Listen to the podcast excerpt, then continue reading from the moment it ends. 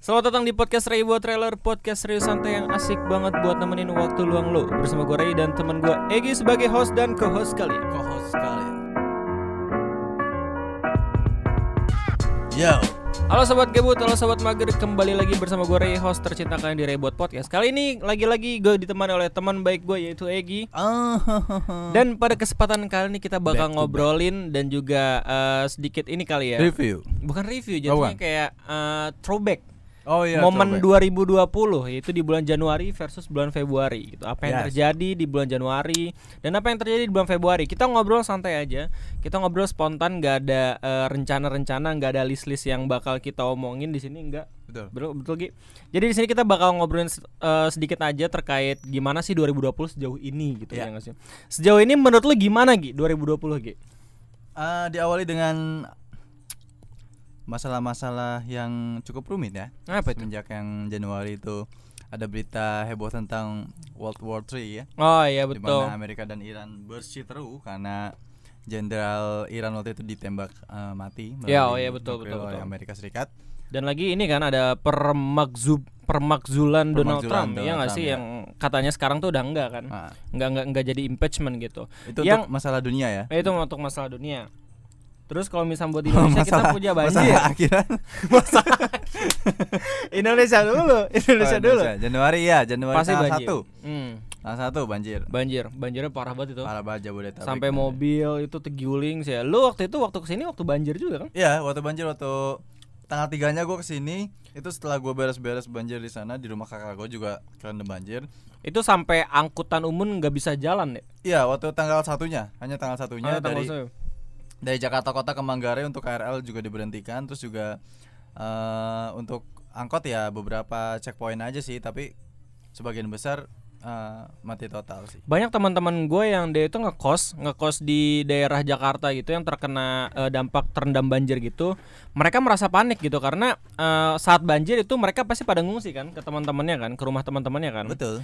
tapi barang-barang berharganya mereka masih ada di tempat-tempat yang dia jadikan sebagai tempat kos gitu. Kayak ijazah dan segala macem gitu. Teman-teman gue sampai setelah banjir tuh pada ny- panik nyariin itu Ngeri juga. iya makanya untuk teman-teman gue yang emang ijazah ditahan yang kalau misalkan kerja itu ODP misalkan atau nggak Ya, ya. MT sekarang udah kagak kan ya Udah nggak? sekarang udah nggak ada peraturan ditahan ijazah ya Nggak ada. tapi kalau dulu kan masih ada gitu jadi buat lo semua yang emang sampai sekarang masih kerja tapi ijazahnya ditahan cobalah lu minta balik lah Iya, Tahu lah. peraturannya sekarang tuh udah nggak ada tahan-tahan ijazah gitu kalau misalkan kabur kabur aja Iya, ya kabur kabur aja di sana sana aja ngapain. Hmm. cuman ya untuk beberapa teman gua hmm? sorry sorry sorry t- nggak nggak nggak akan kedengaran kok. Sorry kalau misalnya tetangga gue lagi dengerin dangdutan nih kayak menghayati banget lagi meditasi tapi pakai lagu dangdut sih. Tapi ngeri sih. kita hormati sebagai tetangga yang baik gitu karena gue juga udah sering teriak-teriak di sini. Dan by the way dan by the way tadi kan gue ngobrolin soal temen gue yang emang ijazahnya eh, diduga terendam dan juga hanyut banjir ya. Tapi alhamdulillah ijazahnya ada gitu. Ya. cuman eh, ini aja kita harus mesti memperhatikan hal kalau misalkan emang terjadi lagi seperti itu Betul. gitu. Seenggaknya untuk barang berharga dan segala macam coba lo untuk eh, taruh di tempat yang aman gitu. Pegadaian. Sekolahin ya. sekalahin lagi gitu. Barang-barang jadi ya pokoknya terkait dengan masalah Januari ini kalau nggak banjir tadi World War 3 Abis itu impeachmentnya Donald Trump ya. yang itu bener-bener kalau misalnya lu udah om-om nih ya kalau misalnya lu udah main-mainin saham nih buat umuran-umuran tahun 2020 pasti itu kocar-kacir banget cuy Ya. soalnya kalau misalnya Trump, Trump itu beneran turun itu bener-bener nggak stabil lagi nilai saham gitu dan itu berdampak kepada eh, saham lu ataupun saham-saham yang emang yang emang pernah om-om lu beli gitu kayak gitu Betul. versus Februari dan Dan Januari Januari udah itu ya. Sebenarnya masih ada oh satu lagi kebakaran hutan di Kebakaran Australia hutan, ya. yang sampai waduh gila itu foto-fotonya sih miris banget sih Iya. koala eh, Binatang-binatang juga binatang apalagi yang binatang piton. berhabitat di Australia ya. Australia itu tuh hampir 200 juta kalau nggak salah Hmm. 200 juta binatang dan juga beberapa spesies hewan itu mati gara-gara adanya kejadian itu gitu. Itu nggak lain disebabkan oleh perubahan iklim. Bukan jin iprit, bukan. bukan, bukan dewa matahari, bukan, bukan. Tapi kita Karena ngobrolin soal climate change. Suhu panas yang udah mulai nggak Hmm. beraturan juga ya. Betul sekali gitu. Jadi Ya, kalau seperti eh, throwback di waktu Indonesia aja, waktu di Riau dan juga Iya. Kalimantan. Seka- Selain dengan adanya kebakaran hutan yang disebabkan oleh uh, oknum-oknum tertentu, tapi juga ada beberapa yang memang diakibatkan oleh cuaca yang real. Tapi perbedaannya jelas gitu. Oh iya sih. Kalau misalnya soal Indonesia itu pasti kita bisa tahu kalau misalnya itu ada oknumnya. Iya betul. Kalau Australia itu pure cuy, Hmm. pure kebakaran hutan yang emang disebabkan oleh perubahan iklim. Soalnya tiap tahun kata orang-orang di Australia sana itu yang gue lihat di beritanya itu emang sebenarnya sering terjadi. Oh iya. Cuman nggak sebesar ini gitu. Sering terjadi dan bisa ditanggulangi secepatnya. Kalau ini kagak bisa cuy. Makanya yang namanya perubahan iklim tuh benar-benar harus kita perhatikan secepatnya gitu. Iya. Yang mana lu kalau misalkan di kantor nih pakai AC atau enggak kalau misalkan di rumah nih kalau misalkan daerah rumah lu tuh masih dingin tapi tetap pakai AC itu kan benar-benar boros gitu. Apalagi Jakarta buat lu semua nih ya, yang emang orang-orang Jakarta nih yang emang ngerasa ngeluh keluar dari kantor panas Hmm. itu sebenarnya itu kantor lu sendiri gitu yang Iya yang ngeluarin panas. yang ngeluarin panas apalagi buat lu semua emang sebab akibat kan. naik mobil dan segala macem. Di mobil dingin dingin keluar panas. Itu gara-gara mobil lu sendiri kayak gitu. Ya nggak sih? Ada banyak banyak zat dan kalau misalkan emang gua ngobrolin lebih lanjut soal perubahan iklim kita malah kuliah gitu. Nah makanya. makanya makanya kita lanjut ke bulan Februari. Bulan Februari itu sebenarnya nggak terlalu gimana ya? Cepet lah kita rasain buat ini cepet tuh, banget, Bang. cepet banget. Cepet banget kan? Udah hampir 28 dan bentar lagi 29 Habis 29 kita masuk ke bulan Maret ya. Semoga bulan Maret eh, nggak kenapa-napa lah ya Bisa bekerja sama dan bisa bersahabat dengan kita gitu Tapi bulan Februari Ada satu hal yang paling parah dan sampai sekarang masih kita omongin Virus Corona Virus corona. Itu gimana Gi menurut lu Gi? Just a conspiration aja. Banyak banget semenjak eh, virus Corona itu outbreak itu banyak banget teori eh, teori-teori miring ya. teori-teori konspirasi dan segala macam. Cuman yang terjadi adalah sekarang udah bener-bener kejadian dan le- dan, le- parah. hmm, dan lebih baik kita waspada, Waspada. daripada kita ngebaca tentang teori konspirasi ini gimana cara gimana. cara. Lebih baik kita tanggulangi dari sekarang karena memang Indonesia ya alhamdulillah sampai sekarang belum kedetek. Iya, Mang. Gua nggak mau pesimis tentang negara kita yang katanya itu mungkin aja ada yang udah pernah ada yang kena gitu, tapi emang Hmm. kabur gitu dan segala macam. Gua nggak mau pesimis tentang hal itu. Lebih baik kita optimis kalau misalnya kita tuh emang bisa bisa bisa menjaga diri kita Ya, sendiri betul. gitu. Tapi kita juga harus tetap waspada tentang virus corona ini. Dan selain virus corona, banjir lagi Gi. Banjir lagi di bulan Februari di bulan akhir Iya, Februari ini. mungkin nggak terlalu parah, cuman frekuensinya yang lama gitu. Iya Frekuensi sih? lama dan menyebabkan uh, opini-opini semakin liar semenjak Hmm. Januari kemarin banjir. Ya seperti halnya banjir-banjir pada umumnya gitu. Kalau misalnya banjir langsung aja orang Indonesia langsung pada nabrak. Siapa yang harus disalahkan? Betul. Siapa yang harus dibully? Siapa yang harus dijadikan bahan trending untuk Twitter gitu? Padahal kita aturan tuh eh, berdiskusi tentang sosialisasi dan juga sosialisasi juga apa namanya solusi dan juga penanggulangannya seperti apa gitu. Kita tahu kalau misalnya Jakarta itu tiap tahun banjir. Ya. Kita tahu kalau misalnya setiap empat tahun sekali itu bakal ada curah hujan yang tinggi gitu. Ya seharusnya kita juga tahu gitu gimana cara penanggulangannya, iya nggak sih? Gimana cara memikirkan Inilah terbaik? buruknya sistem demokrasi. Mampus gua. Inilah Gua gua gua sempat berpikir ya, apakah ide yang bagus setiap empat tahun pemerintahan diganti gitu? lima tahun. Maksud gua eh, penanganan yang kayak gini itu nggak bisa empat tahun ganti empat tahun ganti cuy, harus bertahun-tahun gitu. Apalagi masalah yang Soalnya katanya ini, ini jangka panjang. satu. banget jangka panjang banget 30 tahunan cuy dan kalau misalnya lihat berita kan ada sempat sedikit perbedaan pendapat antara Bapak Presiden Jokowi dan juga Bapak Gubernur Anies Baswedan yang eh, Anies tuh mintanya naturalisasi sedangkan Jokowi itu mintanya ini apa Bukan namanya? Jokowi, tapi normalisasi. Pak Mbak Pak Basuki Pak Basuki. Tapi PUPR. ya itu dimasukin ke dalam pendapatnya Pak Jokowi juga Iya sih. yang gue lihat beritanya. Dan emang penyimpangan penyimpangan apa namanya solusi itu yang ngebuat kita mandet gitu cuy kalau misalnya gue sebagai anak meteorologi yang pelajari tentang lingkungan asik solusinya panis itu bagus buat jangka panjang Hmm. tapi untuk jangka yang cepat itu bagus normalisasi cuman normalisasi itu bakal ngerusak lingkungan lebih lebih lanjut gitu kayak itu kan sungai nih di beton tuh lurus jadinya Iya. jadi ya ya udah bakal cepat itu alirannya, bakal cepat masuk ke apa namanya? Bakal cepat masuk ke apa namanya? laut gitu. Bakal cepat masuk ke dalam beberapa pesisir-pesisir. Nah, habis itu ya semakin itu semakin tergurus bagian bagian-bagian sisa dari Pulau Jawa dan ya pada akhirnya kalau misalkan kita lihat dari segi di samping-samping normalisasinya itu makin berbahaya kalau misalnya ada orang yang memang berkegiatan di sekitar situ gitu. Kalau misalnya untuk normalisasi, eh no, naturalisasi, itu kan kita jadi buat sungai baru tuh lagi. Jadi kayak sungai itu kan awalnya berbelok-belok. Habis itu dilurusin kan awalnya, habis itu pengen dibelok-belokin lagi sama Pak Anies. Nah, itu pengerjaan waktunya lama. Iya. Dan emang udah pernah dibahas sama videonya Panji Pragiwaksono yang dibilang katanya norma nor- naturalisasi itu emang lama. Cuman untuk jangka panjangnya bagus gitu. Soalnya untuk ekosistem. Nah, tapi kita lihat dari segi realistisnya. Penduduk makin banyak, Ki.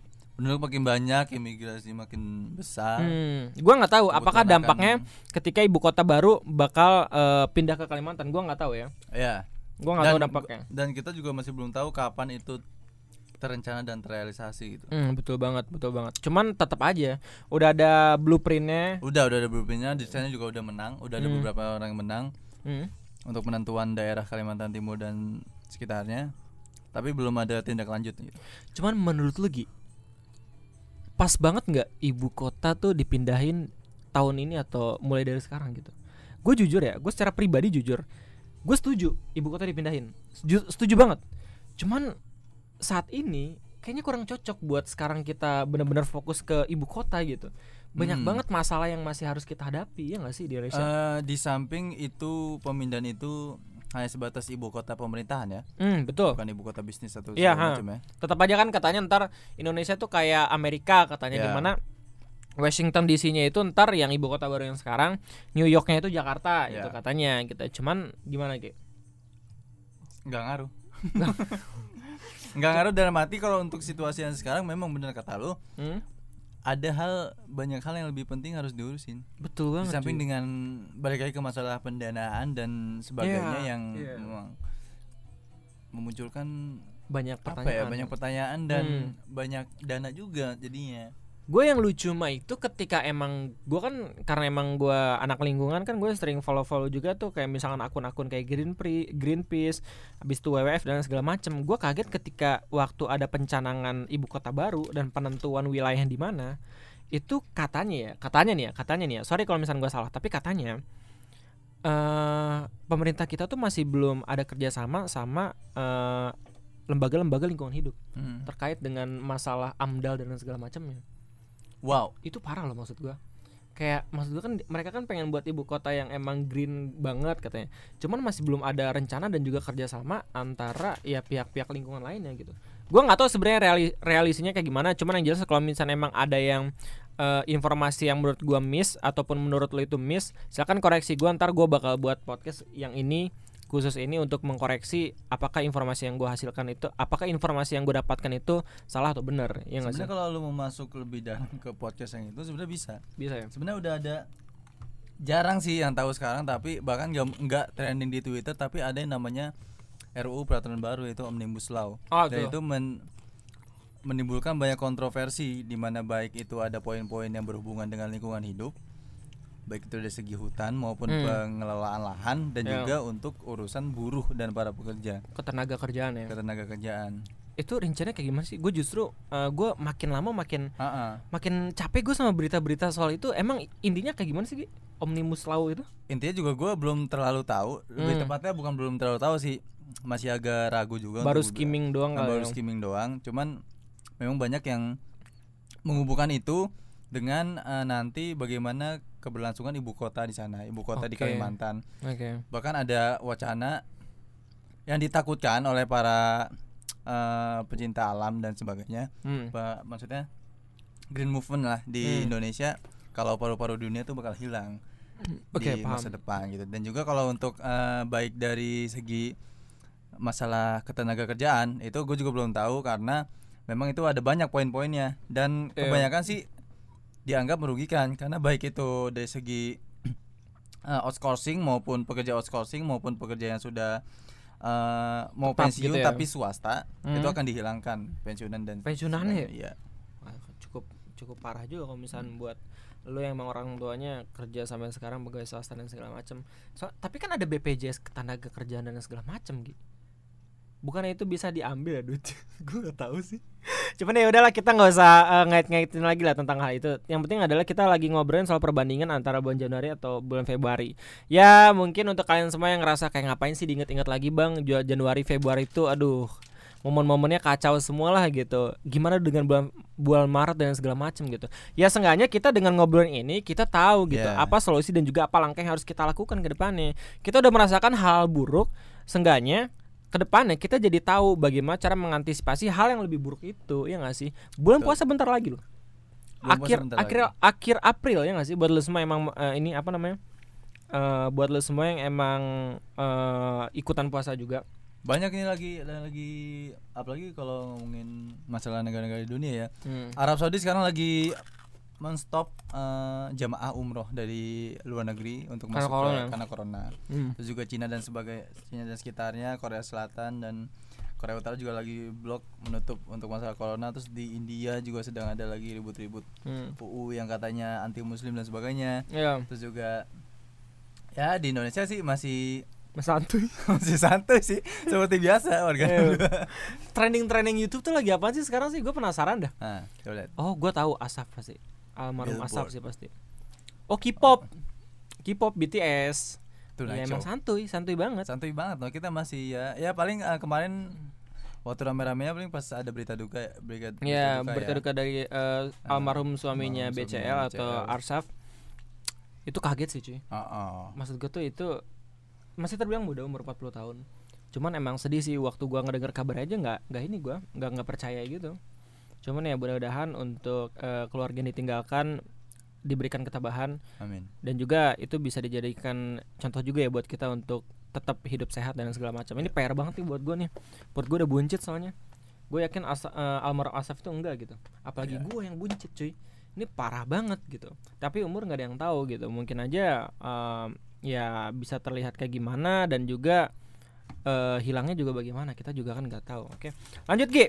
Menurut tuh parahan mana bulan Januari atau bulan Februari? Februari Februari. Soalnya itu banyak korban banget. banyak korban satu dari segi terus juga dari segi kewas-wasan kita terhadap penyakit-penyakit Iya cuy, terutama gua tuh corona kan Aduh, gua tuh waktu bareng lu ya kemarin Ah. tuh kita ke Jakarta, itu gua mesen OVO ya, eh Iya. mesen OVO, mesen Grab ya. Abi, waktu gua mesen ininya taksinya, itu gua baru tahu kayak ada pesan warning gitu kalau misalnya harap berhati-hati karena ada virus corona. Itu horor boy. Hmm. Maksud gua kayak anjir, yang awalnya kita biasa-biasa aja gara-gara ada keterangan ini kayak anjay.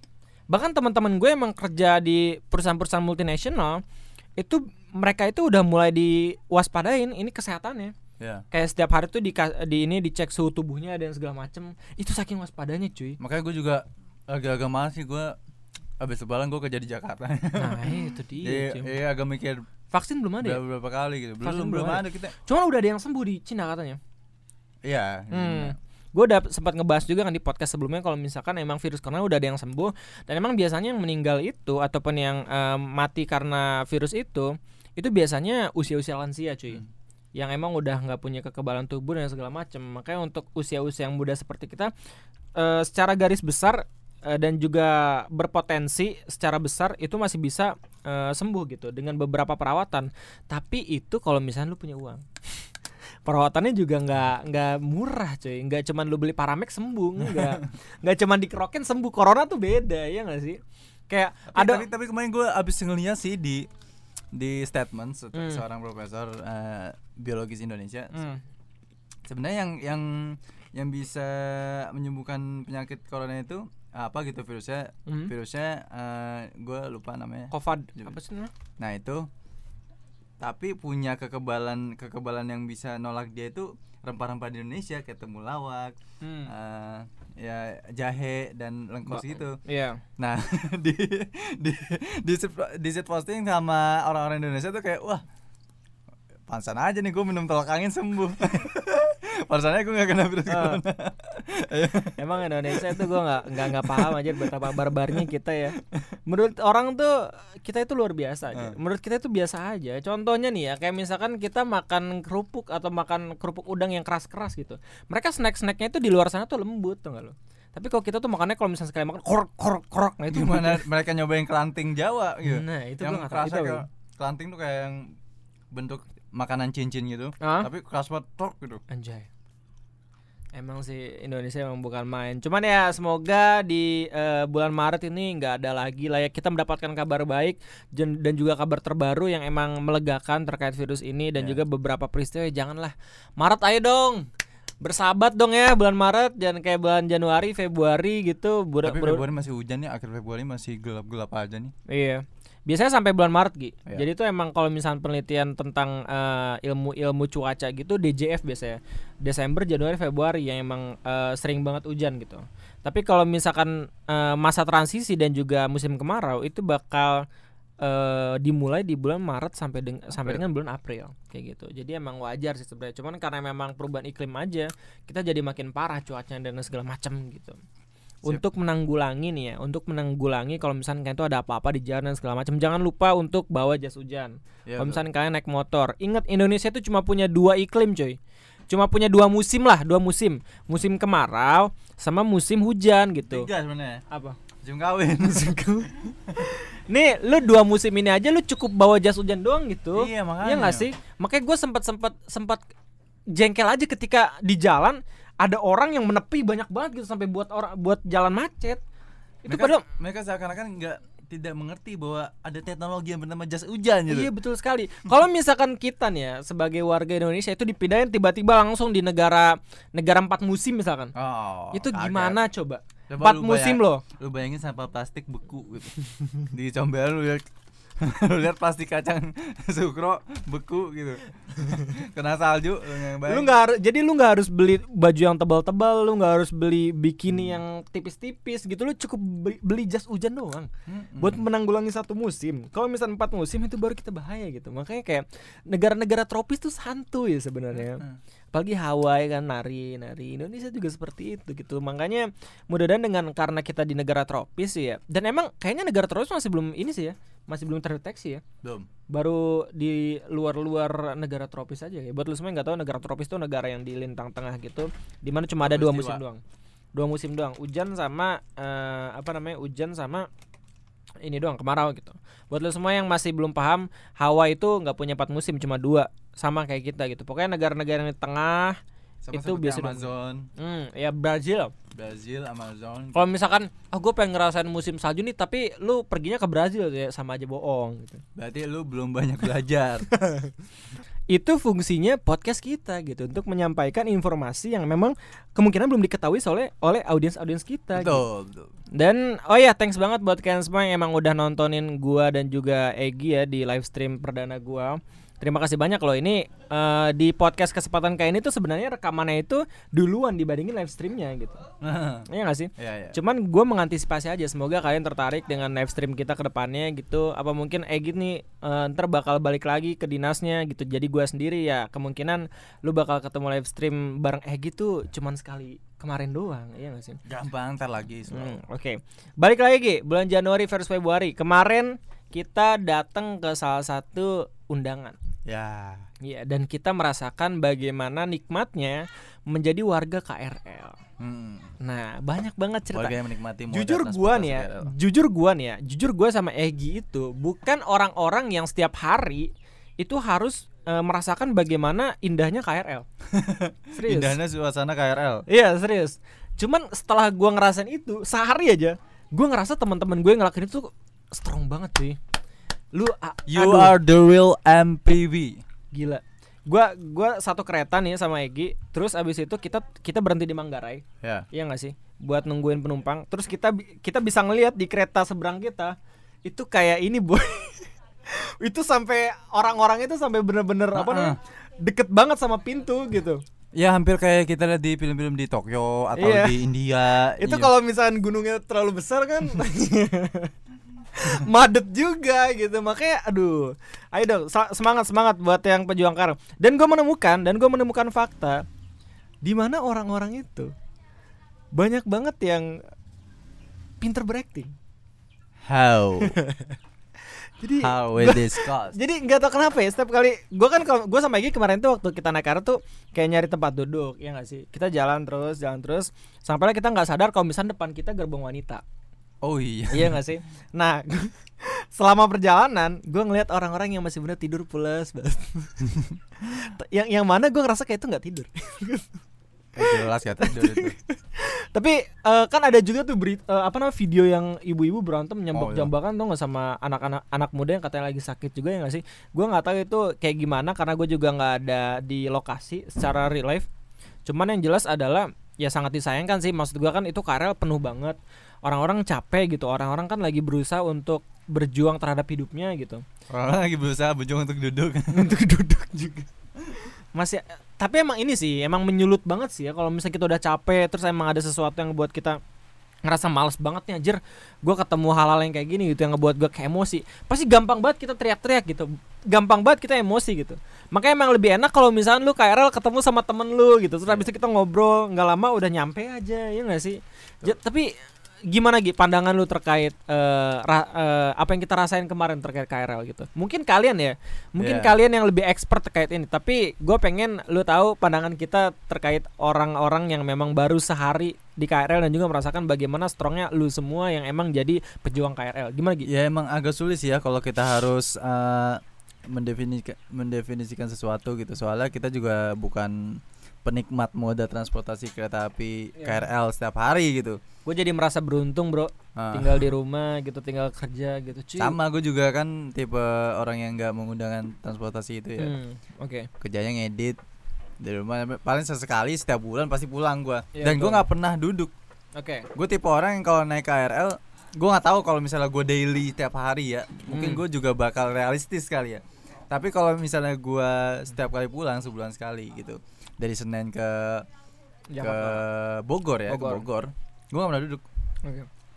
Nggak padahal lu ba- bawa barang bawaan banyak gitu kalau bawaan kan udah pasti gue taruh di atas toh hmm. Udah pasti gue taruh di atas nah, tapi gue tetap berdiri soalnya kenapa karena gue yakin itu di Tanah Abang di Duri di pasar Minggu udah pasti penuh Iya. dan banyak orang yang masuk terutama ibu-ibu jadi gue mending nunggu sampai ke Citayam atau Depok baru gue Hmm. duduk Tapi kampretan nih ya, selama kita merasakan bagaimana indahnya KRL dan juga Jakarta, gua ada momen momen-momen kampret gini. Hah. Sama abang-abang Grab.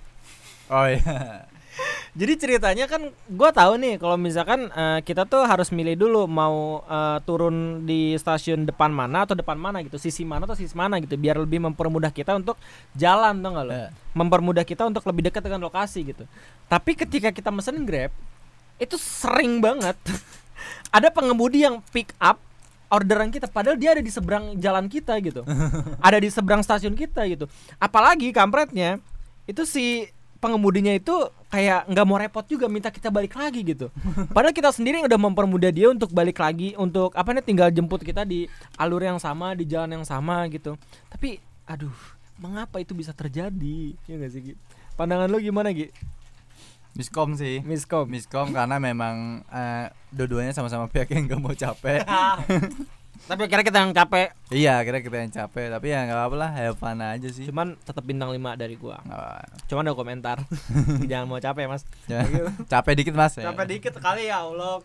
Cuman emang ini sih emang mobil sih ya. Hmm. Mobil sih emang susah gitu kalau misalnya disuruh-suruh soalnya emang punya egonya sendiri. Ini emang pengemudinya Apalagi waktu pengemudi itu banyak banget cerita soal dulu tuh kita kayak gini Nah, mah. ya, dapet- Sekarang tuh kita dapat- kayak gini. coba coba kalau misalnya lu ngomong sama Grab ya, Grab Grab ini Grab bike atau Go, Gojek lah. Kalau misalkan emang diajakin ngomong sama ininya sama pengemudi- pengemudinya lu bilang iya iya aja. mungkin mungkin boleh tuh ngangkat tema ini udah ada yang kerja belum nih pendengar-pendengar Ray buat podcast Pasti udah ada. atau mungkin ada yang kerja di bidang eh, Transportasi.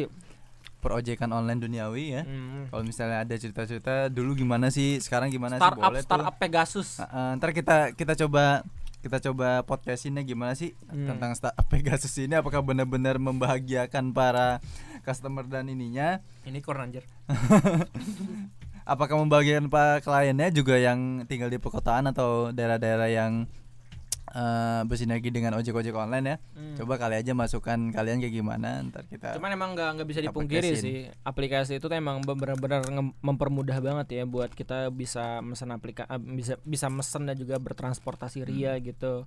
Bukan ria maksudnya sombong gitu bukan. Maksud gua ria ya senang gitu untuk Iya, bisa cepat. "Wih, bawa mobil nih anjir, padahal Hmm, mah Grab. padahal mah grab gitu. Jadi kita juga waktu pertama kali grab rilis atau gojek rilis itu gua nggak nyangka banget kita bisa mesen mobil sih Iya, itu.